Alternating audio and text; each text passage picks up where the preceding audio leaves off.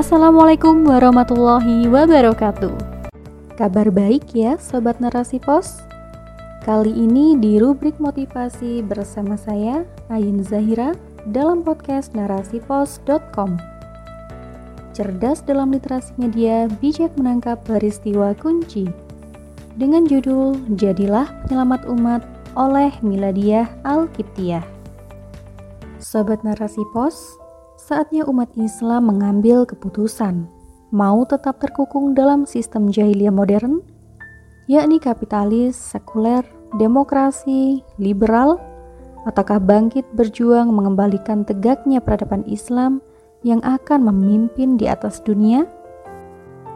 Apa yang kau rasakan ketika di sekelilingmu masih banyak yang mengalami kesulitan hidup? Jangankan makan tiga kali sehari, mencari makan untuk menyambung hidup pun kian susah.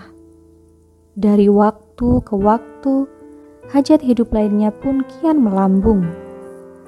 Sadarkah jika fenomena ini adalah akibat dari kapitalisasi hajat publik di alam demokrasi? Apa yang kau rasakan ketika tiada hari tak pernah kau lewatkan? Barang sedikit pun tindak kejahatan, kriminalitas, pelecehan seksual, kekerasan, bahkan bunuh diri terjadi di sekitarmu, sadarkah bahwa peristiwa ini adalah buah dari liberalisasi budaya yang menggerogoti sendi-sendi kehidupan sosial masyarakat? Apa yang kau rasakan ketika masuk ke dalam dunia digital di mana layar tabletmu seolah penuh dengan ujaran kebencian, caci maki, hinaan, penistaan, bertabur fitnah, persekusi ulama, monsterisasi ajaran Islam dan sejenisnya? Sadarkah pemandangan seperti ini adalah permainan politik oportunis yang hendak mengambil keuntungan untuk diri sendiri? Hidup di alam demokrasi akan meniscayakan lahirnya berbagai kesulitan hidup himpitan ekonomi, dan beragam untuk penyimpangan. Apalagi yang hendak dikata, bila asas yang menjadi fondasi sistem ini adalah upaya sekularisasi di berbagai lini kehidupan. Mulai dari sekularisasi agama yang meminggirkan syarat sebagai aturan hidup, sekularisasi ilmu yang menghapus jejak sakofah Islam untuk diterapkan dalam kurikulum pendidikan, sekularisasi kekuasaan yang mencegah agama Islam ikut campur dalam masalah pemerintahan dan kekuatan politik yang memisahkan kekuasaan antara agama dengan negara. Sadarilah bahwa hari ini kaum muslim dipaksa tunduk mengikuti tatanan kehidupan yang sekuler dan liberal. Mereka dipaksa menanggalkan status dan identitas keislamannya demi modernisasi kehidupan. Hampir-hampir kaum muslim dibuat hilang kesadaran ruhiyah akibat sekularisasi ini. Acap kali kaum muslim merasakan ketidakpuasan materi dan kekacauan berpikir.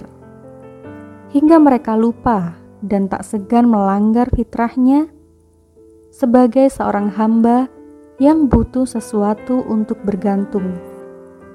Sadarilah bahwa keadaan kaum muslim sedang diformat ulang oleh sejatinya ia adalah musuh Allah dan Rasulnya. Hidup mereka diformat sedemikian buruk sesuai keinginan musuh. Umat dimiskinkan, direndahkan, dinista di dalam peradaban kapitalisme. Umat dijauhkan dari kebangkitan hakiki kebangkitan yang dapat membawa pada perubahan revolusioner. Oleh karena itu, umat butuh formasi lengkap untuk menyelamatkan yang tertindas dan terjajah. Umat membutuhkan tim penyelamat agar kembali pada identitas hakikinya. Maka, menjadi penyelamat umat adalah agenda urgent yang wajib diwujudkan. Sobat Narasi Pos, kita tentu tidak asing lagi dengan aktivitas wajib yang ditatahkan langsung oleh Sang Holik. Kewajiban mengubah tatanan kehidupan sekuler menuju kehidupan Islam adalah kewajiban setiap Muslim. Muslim harus menyadari kewajiban ini. Mereka diperintah oleh Allah agar melakukan aktivitas amar ma'ruf nahi mungkar. Dalam hal ini adalah dakwah. Menjadi pengemban dakwah sejatinya adalah juru keselamatan.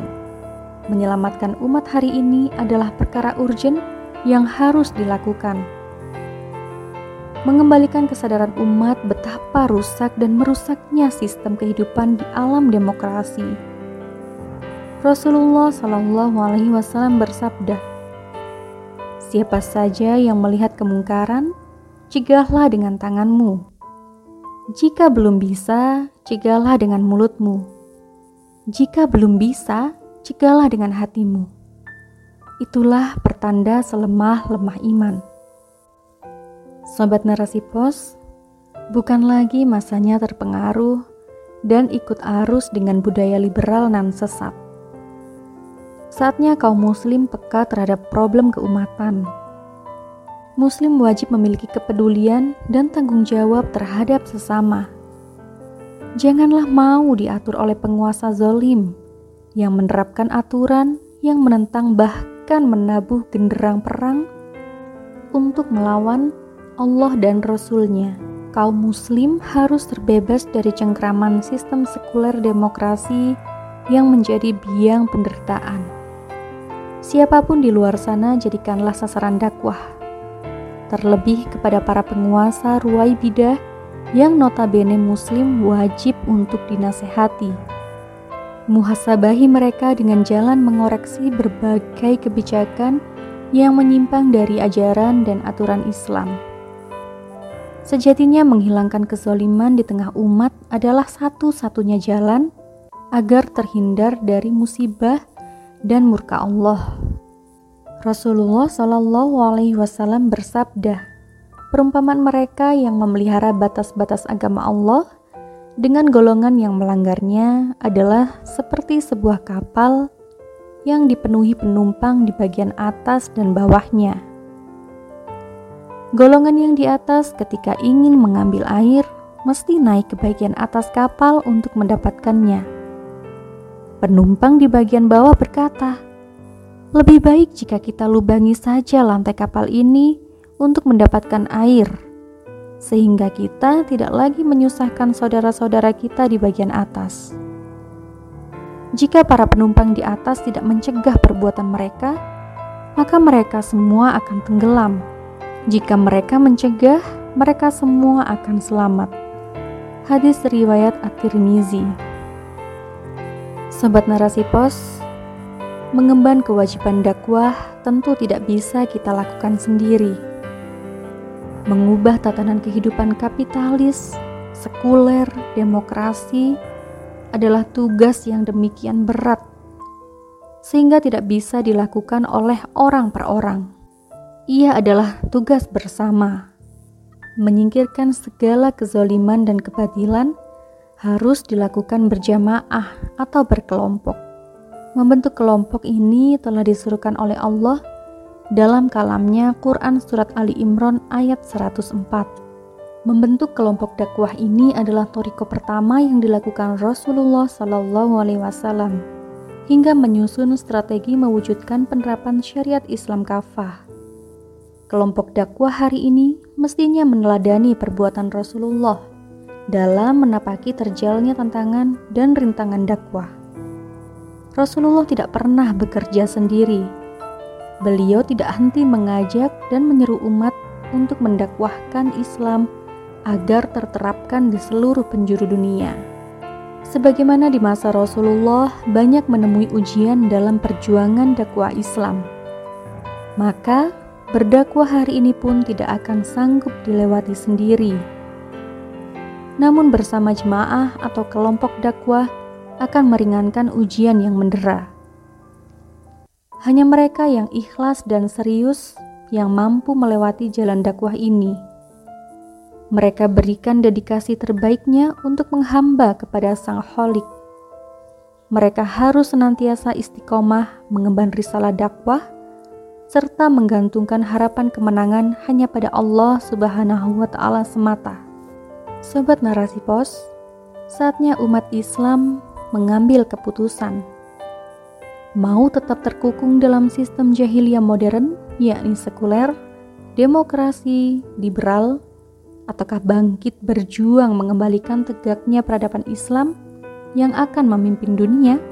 Pahamilah bahwa kaum muslim memiliki ideologi yang sangat kuat, memiliki sumber daya manusia yang lebih dari cukup, yakni 1,5 miliar di dunia, memiliki tentara yang terbesar di hampir 50 negeri Islam, memiliki kekayaan alam melimpah ruah seperti minyak, emas, nikel, batu bara, dan lainnya Secara historis pun, kaum muslim pernah memusati peradaban di atas dunia yang tak kurang dari 1300 tahun lamanya.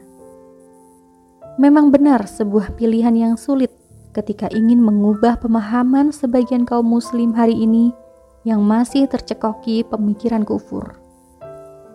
Namun, tidak ada yang tidak mungkin bagi Allah ketika kita serius dan bersungguh-sungguh ingin mengembalikan kehidupan Islam, maka Allah akan memberi kemudahan pada kita untuk mencerahkan mereka dengan pemikiran Islam.